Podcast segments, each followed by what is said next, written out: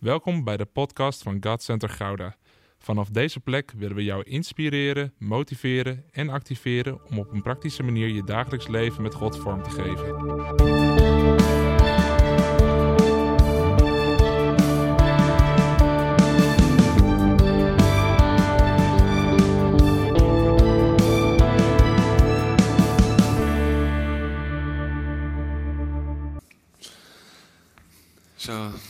Goedemorgen allemaal.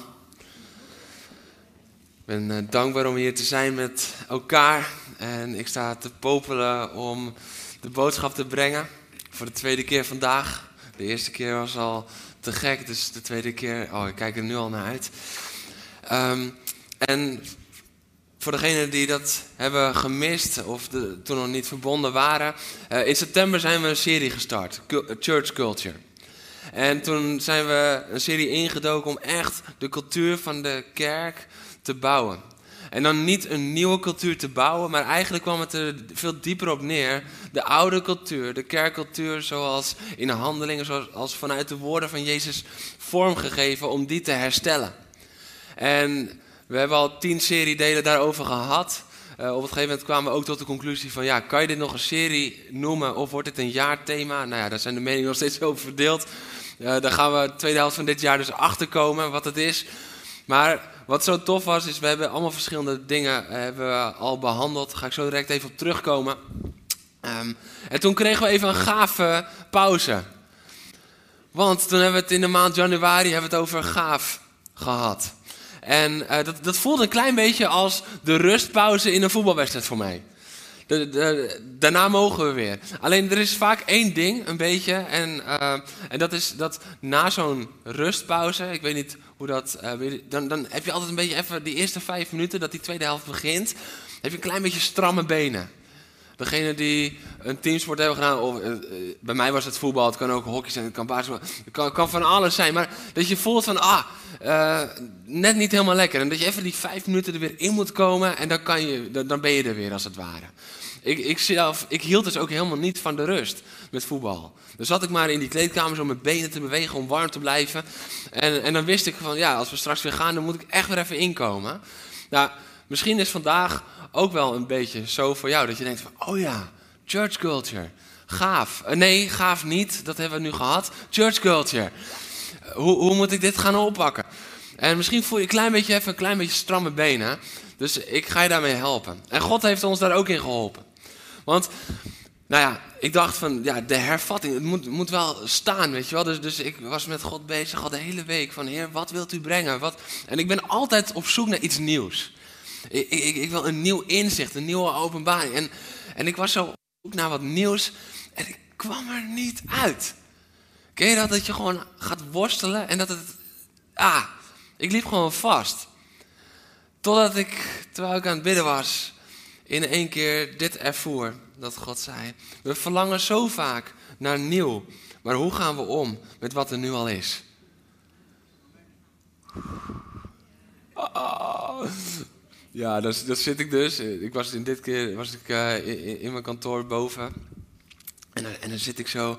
En denk ik, ah, dank weer. Oh, die doet pijn. Maar dit is natuurlijk vaak wel, wat we, zijn heel veel gericht op nieuw en opnieuw en door en door. Maar hoe gaan we om met wat er nu al is? Want dat bepaalt uiteindelijk ten diepste of we klaar zijn voor het nieuwe. Als we niet omgaan met wat, goed omgaan met wat er nu al is, dan zijn we nog niet klaar voor het nieuwe. Dus ik dacht, om een klein beetje die stramme benen te voorkomen, zal ik gewoon even teruggrijpen naar alles wat we rondom de cultuur al hebben behandeld. We hebben het gehad over een cultuur van discipelschap. Dat deden we toen aan de hand van, eh, dat was ook de dag dat mijn boek werd gepresenteerd, aan de hand van het dicht bij Jezus blijven en de verdieping die dan komt. Een cultuur van discipelschap. Een cultuur van samenbouwen. Een cultuur van liefde. Een cultuur van gebed.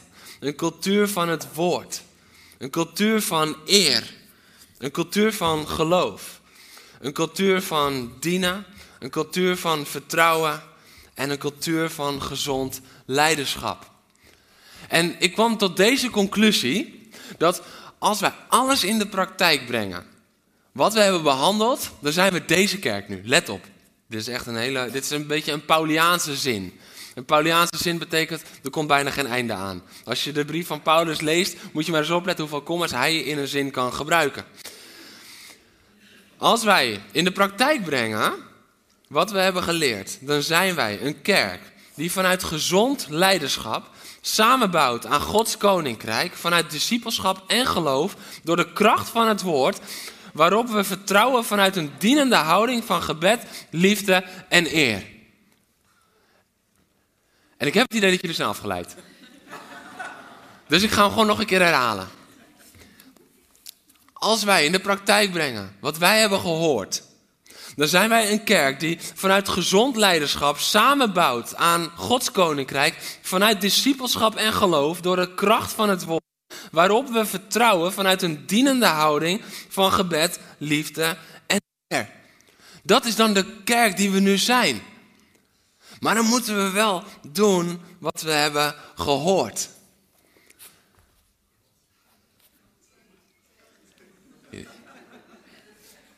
Oh.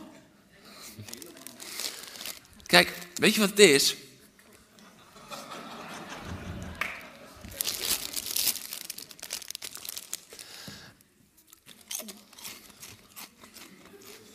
Ik word hier zo door geïnspireerd.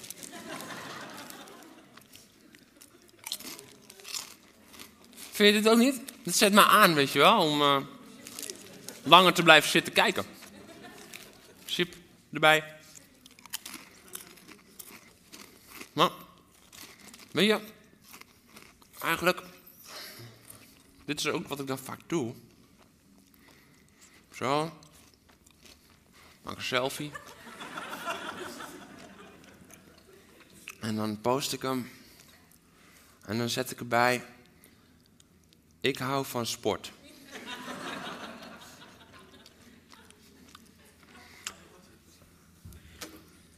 Want dat is eigenlijk vaak wat we doen, hè?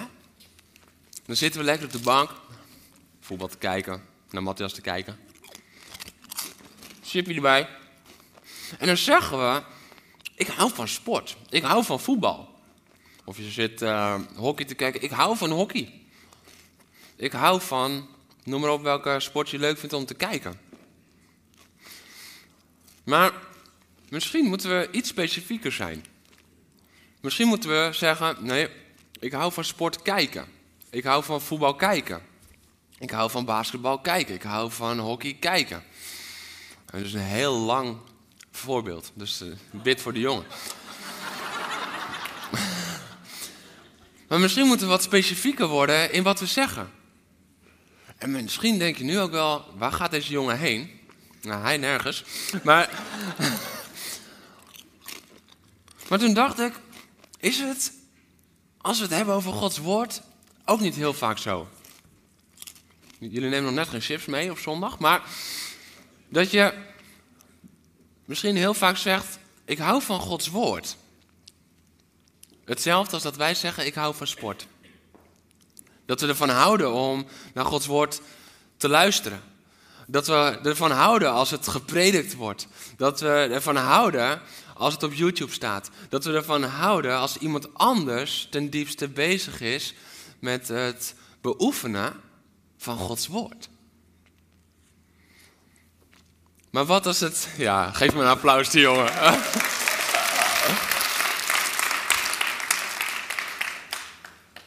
Maar wat als het niet zo bedoeld is?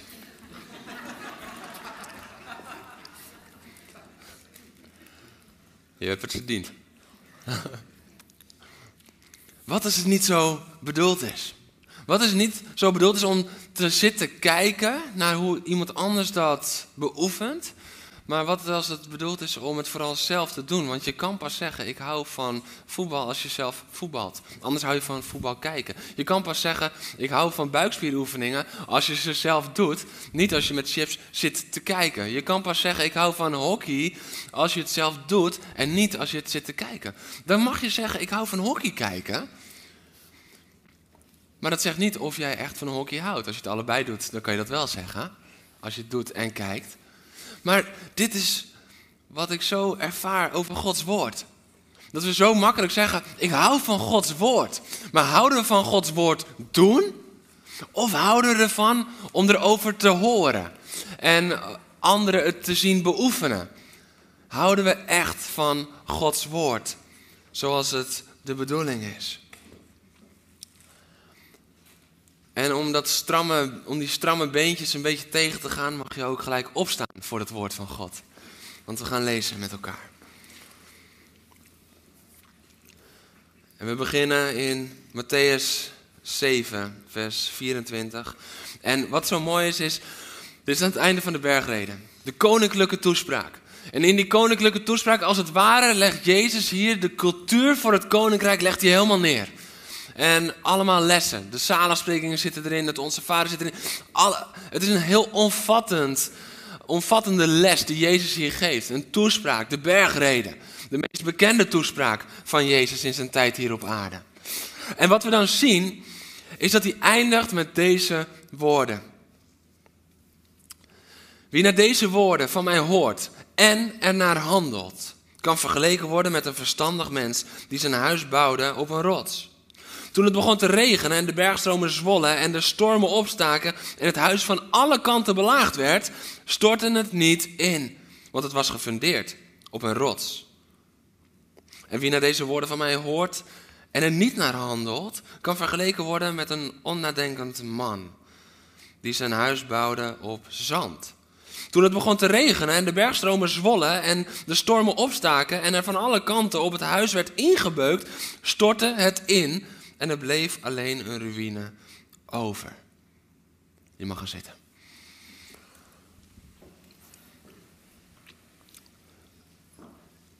Dit heeft alles te maken met het woord doen, wat Jezus hier zegt. Eigenlijk is dit de, de ultieme oproep die Jezus doet aan het einde. Eigenlijk, weet je, als je sprekerstraining zou volgen en je gaat leren hoe een oproep te doen, dan is eigenlijk is dit het ultieme. Want Jezus zegt hier gewoon eigenlijk keihard in het gezicht van iedereen die luistert. Ja, als je hier alleen naar luistert en je doet er niks mee, dan ben je dwaas. Ga je het ook doen, dan ben je wijs. Hij zegt het eigenlijk zo zwart-wit, zo, zo hard. Dus hij spoort de mensen aan van luister hier niet alleen naar, maar, maar, maar doe het ook. Ga het doen, want er ligt zoveel zegen in verscholen. En zoveel vastigheid en veiligheid in verscholen. En wij zijn zo vaak gericht op wat we gaan bouwen. Maar Jezus zegt hier van, ja, let nou niet direct op wat je gaat bouwen, maar leg eerst eens even de focus waarop je gaat bouwen. Waarop je gaat bouwen. En, en, en, en ik dacht, heer, dit is best wel een bekend stuk. Dus misschien denken ze van, ja, Jeroen was zeg maar inspiratieloos en dan kom je bij zo'n bekend stuk uit. Maar ik was daarmee bezig en ik dacht, geef me dan daar een verdieping in. En toen in één keer begon ik me te beseffen van, hoe benaderen we dit Bijbelvers zo vaak? Hoe benaderen we deze zo vaak? Eigenlijk van, ja, bouw je je leven op Jezus, Hij is de rots, of bouw je je leven op los zand? En dat kunnen andere zekerheden die je denkt in te bouwen zijn.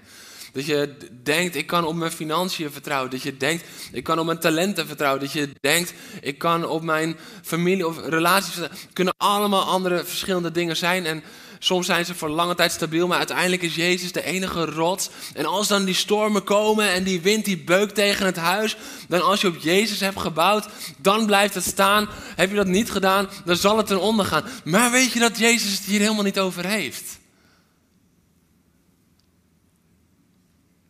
Nee, dat is gek.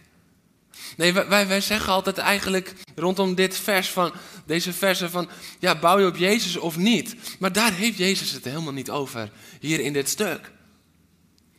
Hij heeft het hier niet over het verschil op Jezus of zonder Jezus. Hij heeft het hier over het stuk doen of niet doen. Want dat is wat hij hier zegt.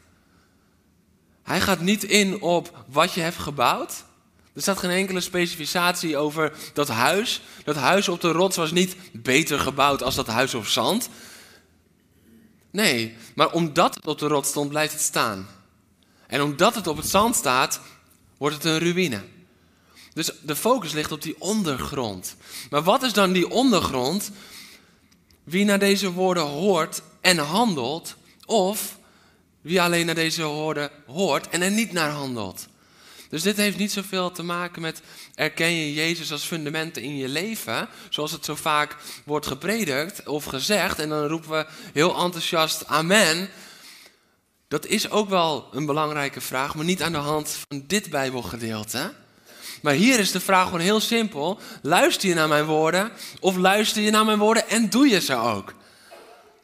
Want als je dat doet, dan zullen de stormen, dezelfde stormen, zullen komen, maar je zal staande blijven. Dat is mooi hè? Je, je ziet twee keer de storm wordt beschreven. Dus het begint te regenen, de bergstromen zwollen op en er staken stormen op. En aan alle kanten werd het huis belaagd. Dit wordt twee keer precies hetzelfde, wordt het beschreven. De storm bij het zand is niet meer of minder, de storm bij de rots is niet meer of minder. Dezelfde stormen in ons leven zullen we mee te maken krijgen. Maar of wij staande blijven of niet, dat hangt er dus van af. Doen we ook het woord van God of luisteren we alleen naar het woord van God? Dat is het verschil dat Jezus hier neerlegt. Want als we het gaan doen, dan bouwen we op die rots. En daar zit dan ook gelijk die genade in. De genade van Jezus. Jezus zegt dan niet, door het goed genoeg te doen en tot in perfectie te doen, kan je verdienen dat, dat je je eigen fundament kan leggen en dan kan je erop bouwen en dan blijf je wel staan. Nee, hij zegt, als jij kiest om mijn woorden te doen, ik ben jouw fundament. Dus daar zit gelijk die genade in. Dat is geen eigen werk, dat fundament. Hij is de rots waarop we bouwen. Maar of we dat fundament toelaten in ons leven, dat hangt samen met de vraag: doen we zijn woorden of luisteren we alleen naar zijn woorden? En dat is niet om een wettisch iets over je te leggen, maar ten diepste, je gaat straks zien welke zegen er zit, ook voor jou, in het doen van zijn woorden. En wat ik dan zo mooi vind, is dat Jezus dus geen enkele aandacht geeft aan wat er opgebouwd wordt. En dat is waar we zo vaak wel mee bezig zijn. Het bouwen van onze bediening. Dat is wat we op dat fundament bouwen. Het huis dat we bouwen. Het, het, bouwen van onze invloed. Het bouwen van ons leven. Het bouwen van. Noem maar op. Maar wat als Gods principes doen belangrijker is als je bediening bouwen? Wat als het gaat om zijn principes doen? En als daar dan een bediening aan verbonden is, dan komt dat er altijd uit voort. Maar wat als het daar niet om gaat, maar dat we eerst echt leggen. Dat we eerst gaan kijken waar het echt om gaat. Want het gaat om welke ondergrond. Jezus legt hier de focus. Welke ondergrond kies jij? Welke ondergrond is de basis van jouw leven? Kies je om te doen? Bouw je op die rots? Of luister je? Ben je dinsdag kwijt? Heb je donderdag geen idee meer? En doe je niet mijn woord? Of misschien ben je wel overtuigd, maar vind je het niet fijn, dus doe je liever niet mijn woord. Dat is het verschil dat hij hier uitlegt. Dus het is een scherpe oproep aan het einde van de koninklijke toespraak. Het is een scherpe oproep aan het einde van de koninklijke preek. De cultuur van zijn koninkrijk.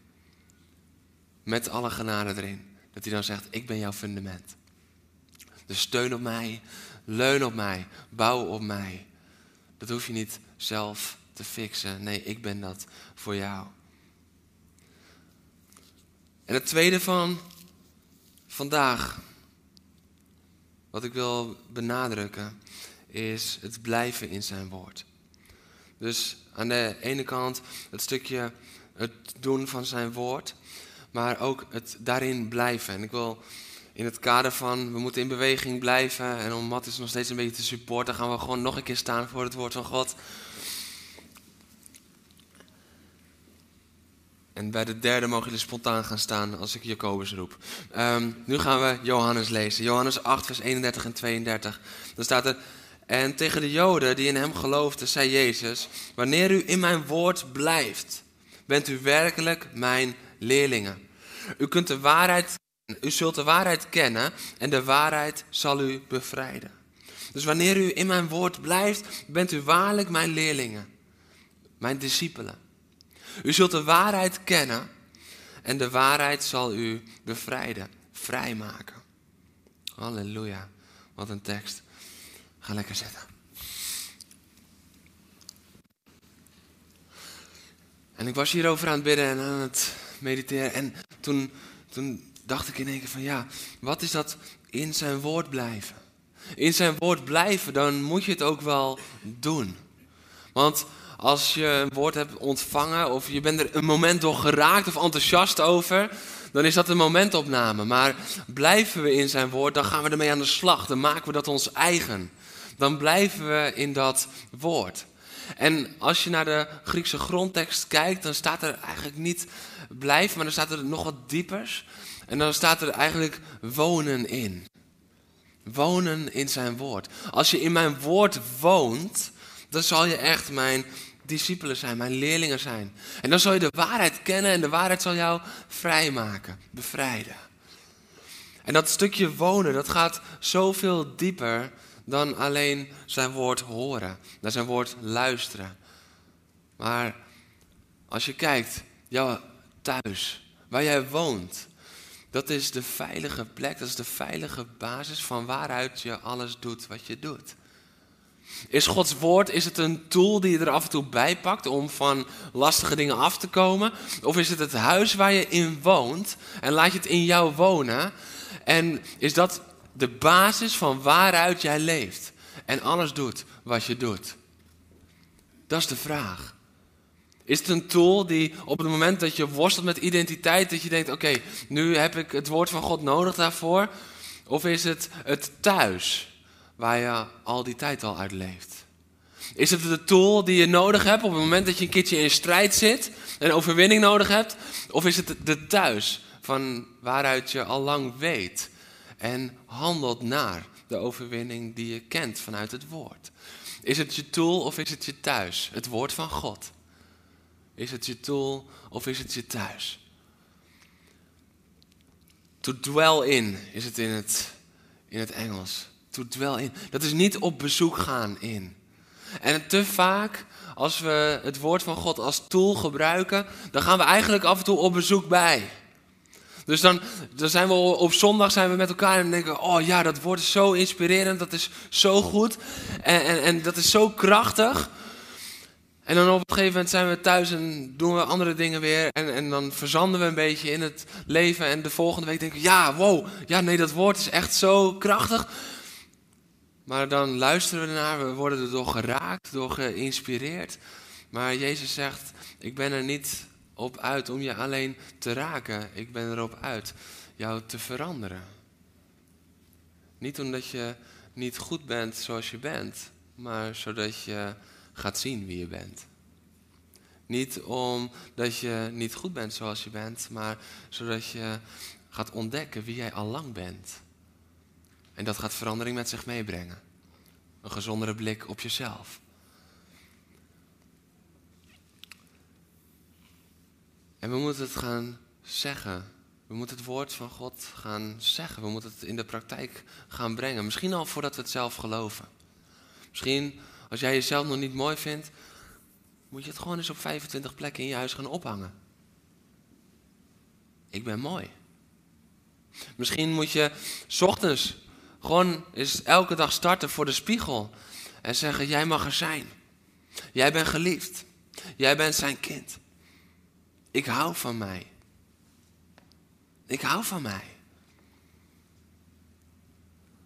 Misschien is het tijd om dat eens te gaan zeggen, zodat we gaan wonen in wat God over ons zegt. Zodat we gaan wonen in de waarheid. Maar als we er niet in gaan wonen, maar het af en toe alleen zoeken in een noodsituatie, dan zullen we het nooit helemaal eigen maken. En bij de volgende noodsituatie hebben we weer hetzelfde woord nodig.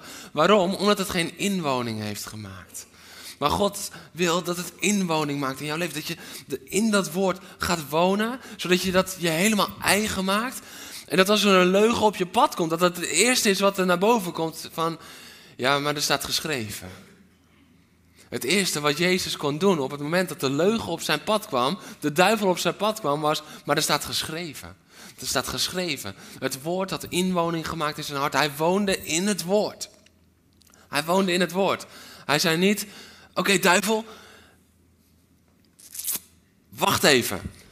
Ik moet even terugzoeken, want ik weet dat het ergens staat. Nee, hij kon bam in één keer. Hij kon bam in één keer de duivel confronteren met de waarheid. En de waarheid zou hem vrijmaken van de duivel. Want na drie keer moest de duivel weg van hem. Waarom? Hij kon Jezus niet aan. Dit is de kracht van het woord van God. Maar het moet, we moeten inwoning nemen. We moeten erin gaan wonen in de waarheid. We moeten gaan wonen in die waarheid. En dan moeten we niet wachten totdat we onszelf goed genoeg vinden om erin te gaan wonen. Nee, we moeten erin gaan wonen zodat we gaan ontdekken dat we al lang goed genoeg zijn. Zo vaak wachten we. Zo vaak wachten we. Wachten om, om, om voor God te gaan, om, om keuzes te maken. En we wachten om dat helemaal ons toe te eigenen en inwoning. Want we vinden onszelf nog niet goed genoeg. Maar we moeten niet wachten met inwoning nemen totdat we vinden dat we goed genoeg zijn. Maar we moeten nu in gaan wonen in dat woord van God. En dan ontdekken we dat we al lang, al lang goed genoeg zijn. Want jij bent een kind van God. Jij bent Gods geliefde kind. Niet zomaar een kind, nee, zijn geliefde kind. En als we ons soms laten raken, maar we eigenen ons dat niet toe, dan bij de volgende situatie die je enigszins raakt, kunnen we nog steeds geen weerstand bieden. Bij de volgende storm stort het huis weer in. En we gaan het weer herbouwen. Want we denken, nee, maar ik moet krachtig bouwen en ik moet, ik, ik moet. Maar Jezus zegt, nee, nee, nee, je moet niet beginnen met het bouwen. Je moet beginnen in mijn woord. Ga mijn woord doen. Zowel in het praktische als in het geestelijke, het jezelf toe-eigenen. En wonen in mijn woord. Woon dan in mijn woord, zodat dat de thuisbasis is van waaruit je alles, alles, alles doet. Alles wat je doet, denkt en gaat. Het volgende wat het woord van God doet, is Jacobus 1.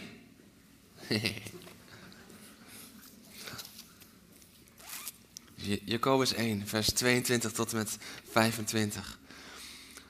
Vergis u niet. Alleen horen is niet genoeg. U moet ook wat u gehoord hebt doen. Want wie de boodschap hoort, maar er niet, niets mee doet, is net iemand die het gezicht waarmee hij is geboren in de spiegel bekijkt. Hij ziet zichzelf, maar zodra hij wegloopt, is hij vergeten hoe hij eruit zag.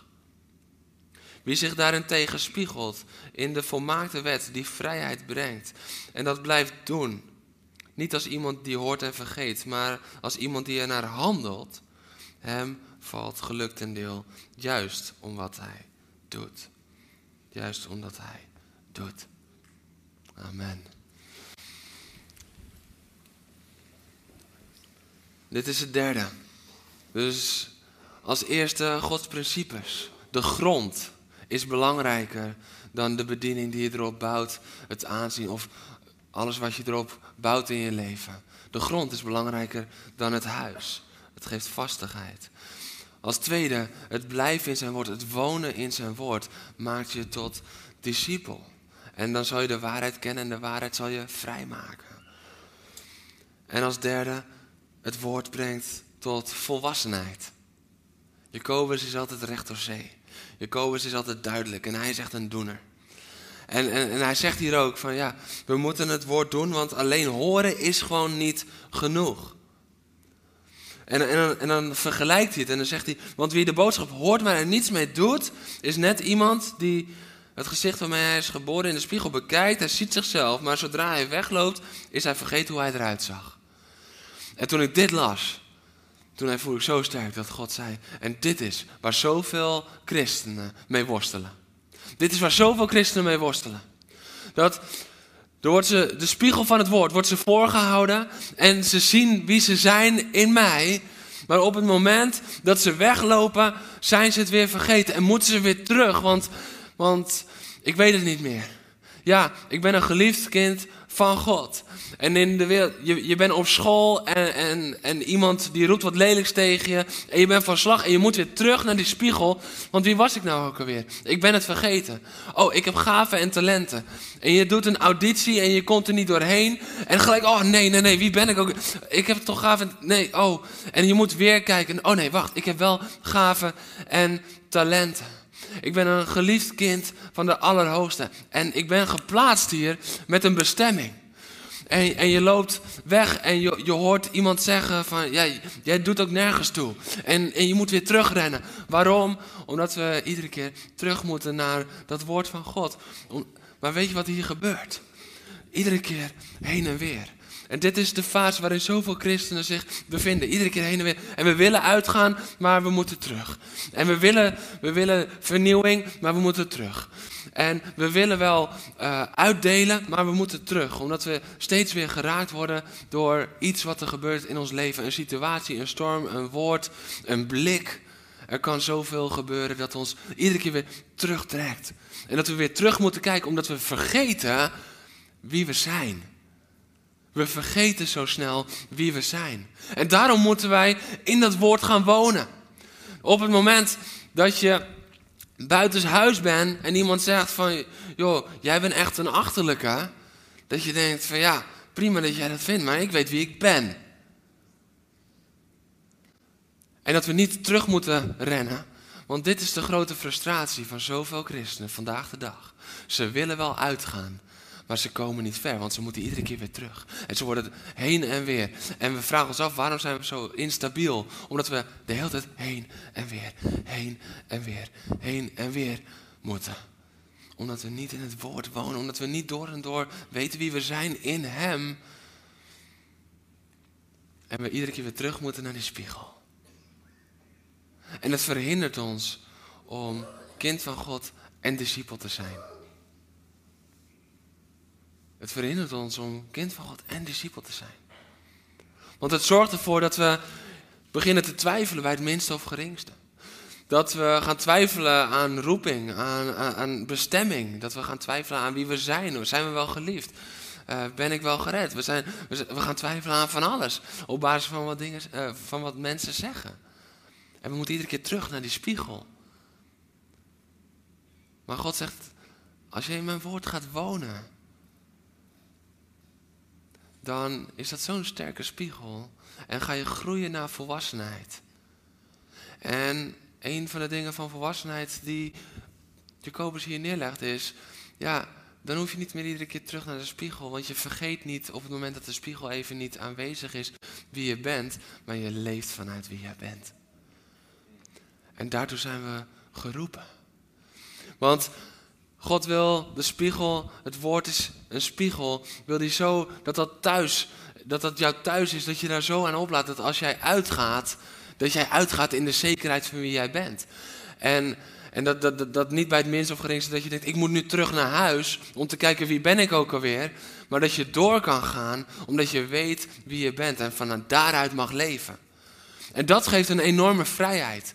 Dat, en, en dat is ook het stukje waarom het zo belangrijk is, is omdat Jezus koppelt het wonen in zijn woord aan discipelschap in Johannes 8. En hier, Jacobus zegt van ja, als je volwassen bent, dan ben je niet meer afhankelijk ieder moment van de spiegel. Dat is eigenlijk wat hij zegt. Want je vergeet het niet meer.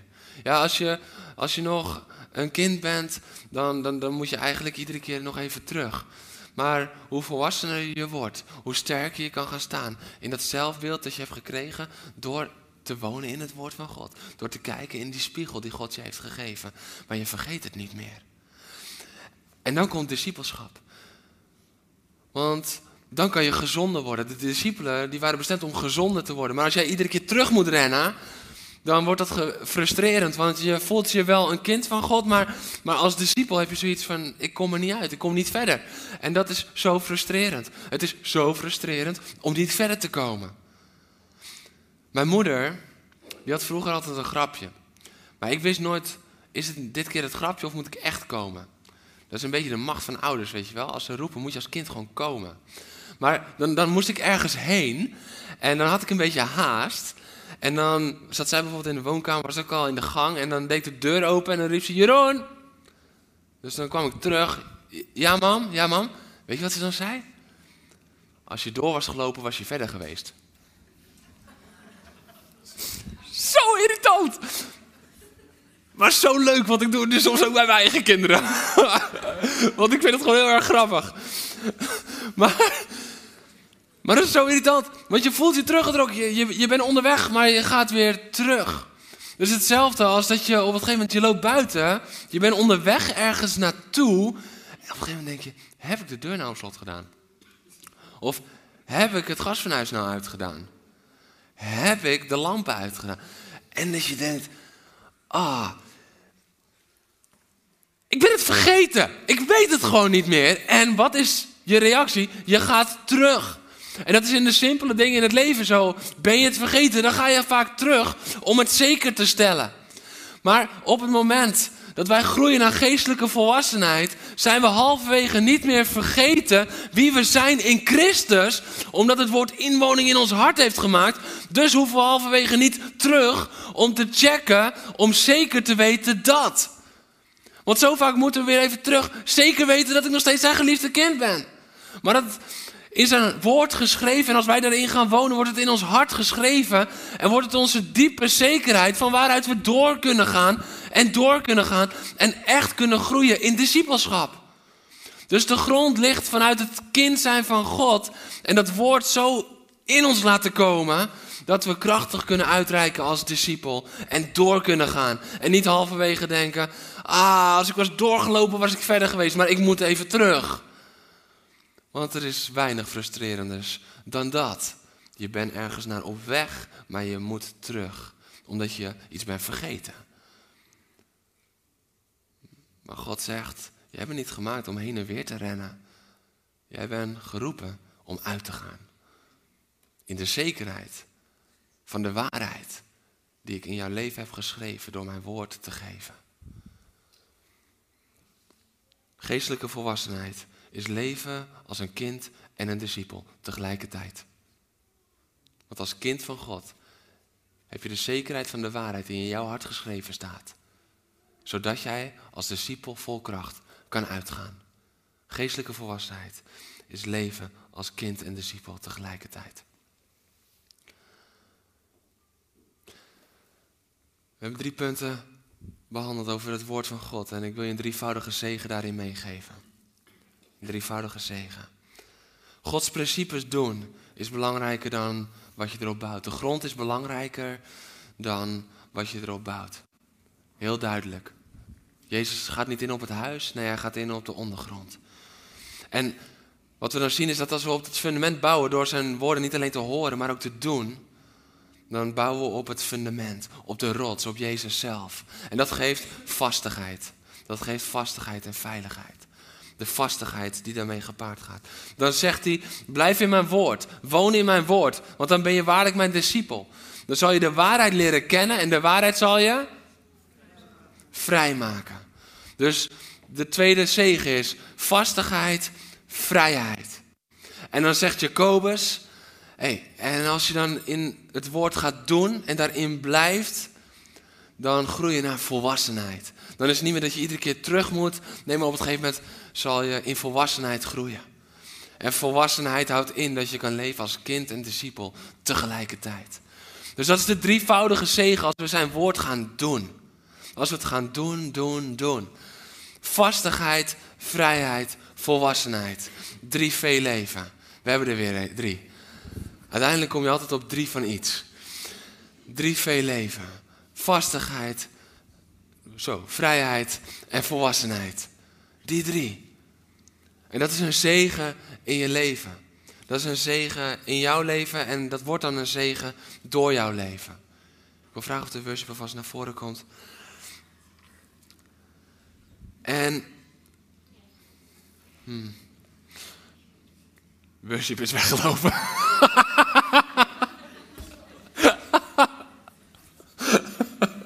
Vind ik leuk.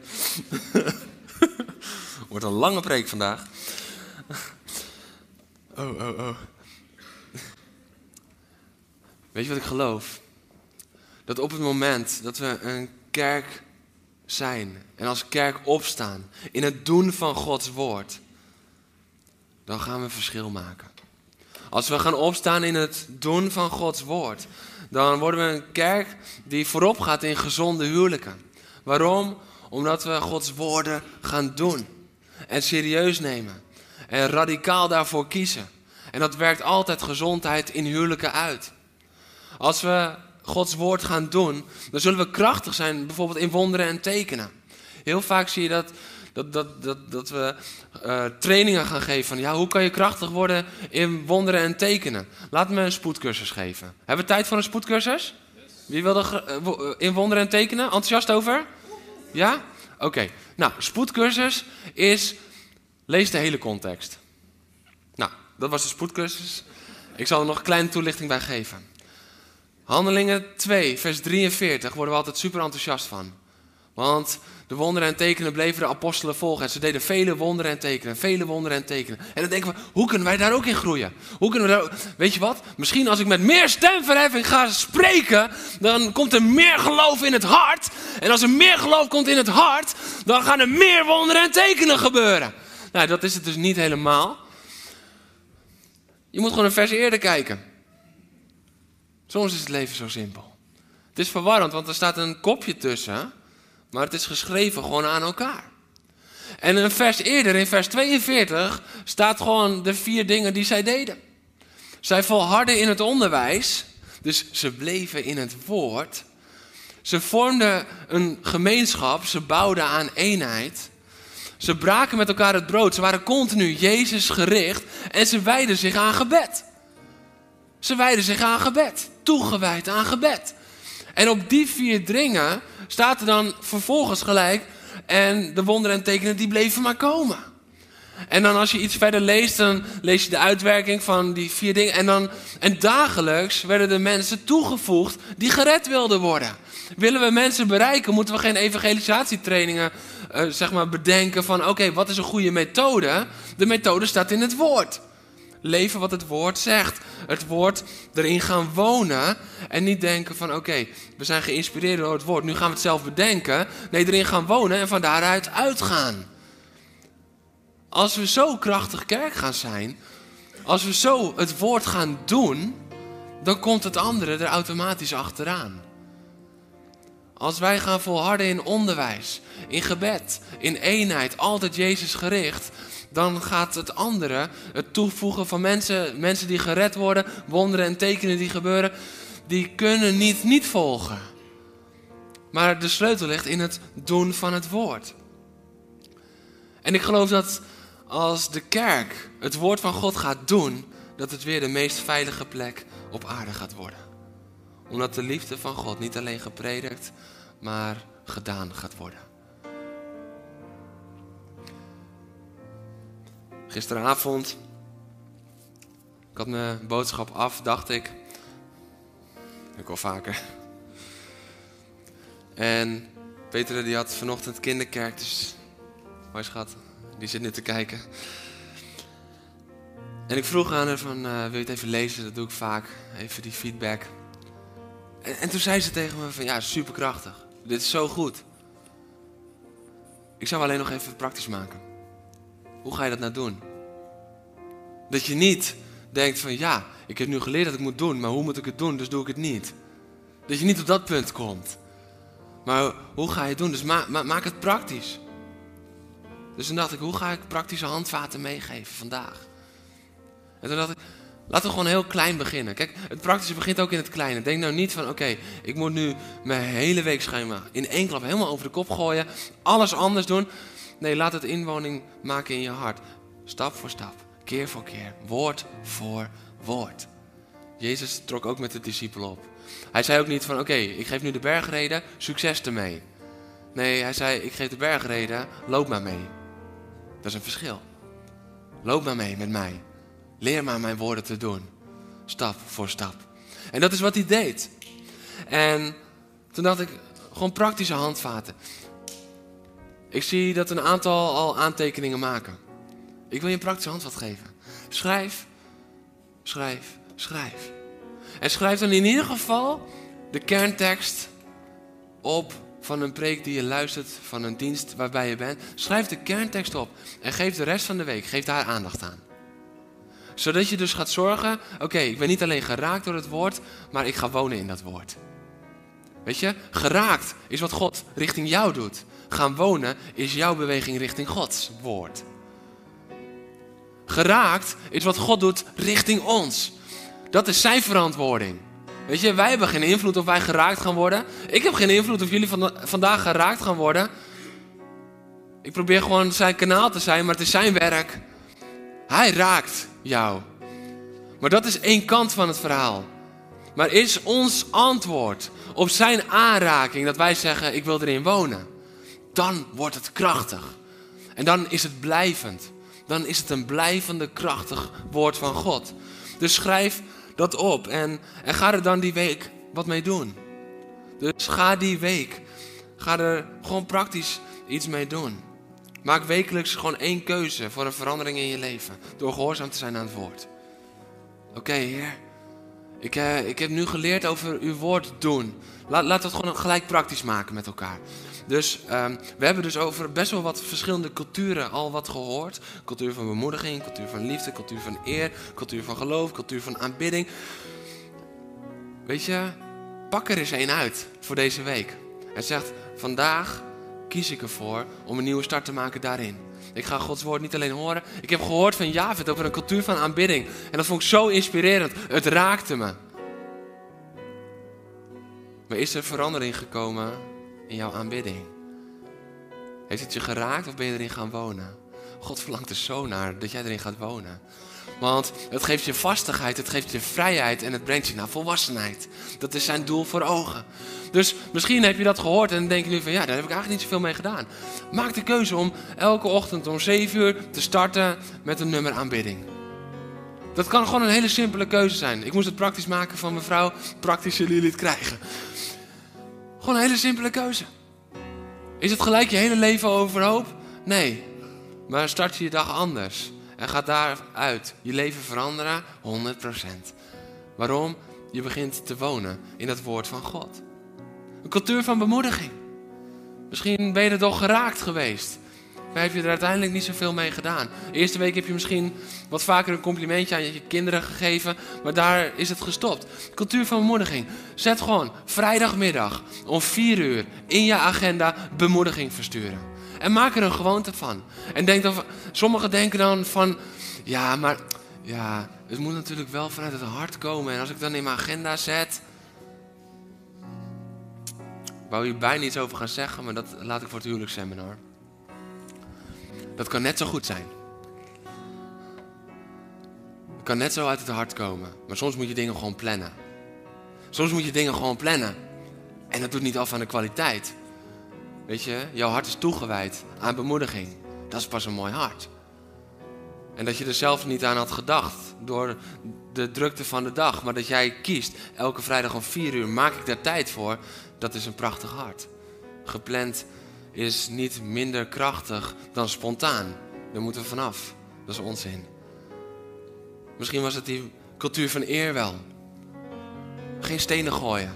En ja, die week had je echt genade voor heel veel mensen. Maar inmiddels heb je een rugtas om en je loop je zo van alle stenen die je weer met je meedraagt, klaar om te gooien wanneer er iemand onderuit gaat.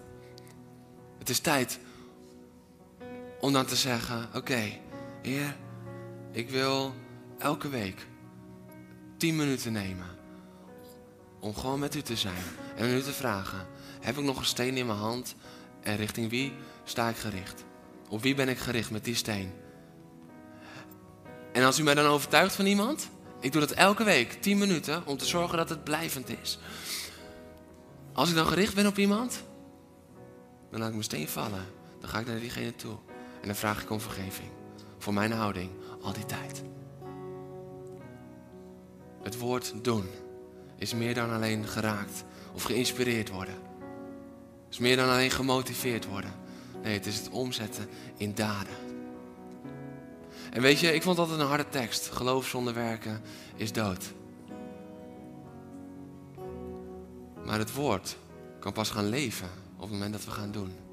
Niet omdat het woord dan krachtiger wordt, maar omdat wij gaan wonen in het woord dat al zo krachtig is. En dat brengt zegen voort. Zowel voor jou als je omgeving. Zegen van veiligheid en verstevigd. Je bent gevestigd op de rots. Zegen van vrijheid, want je leert de waarheid kennen door erin te wonen. En je wordt er vrij van. Van al die leugens die op je afkomen en je bent erin gaan wonen en je kan rondgaan. En als laatste brengt het volwassenheid. Het brengt je tot volwassenheid. Niet meer afhankelijk van iedere keer terugrennen omdat je het vergeten bent. Maar volwassen en krachtig. Ik wil vandaag vragen of de muziek nog, voordat we gaan zingen met elkaar, gewoon nog even een minuut, twee minuten doorspeelt. En ik ga je uitdagen om iets op te schrijven. Gewoon op te schrijven, wat wil je vanaf vandaag inburgeren in je leven? Welk deel wil je heel praktisch gaan maken? Misschien is het wel zeven uur ochtends altijd beginnen met een worship nummer.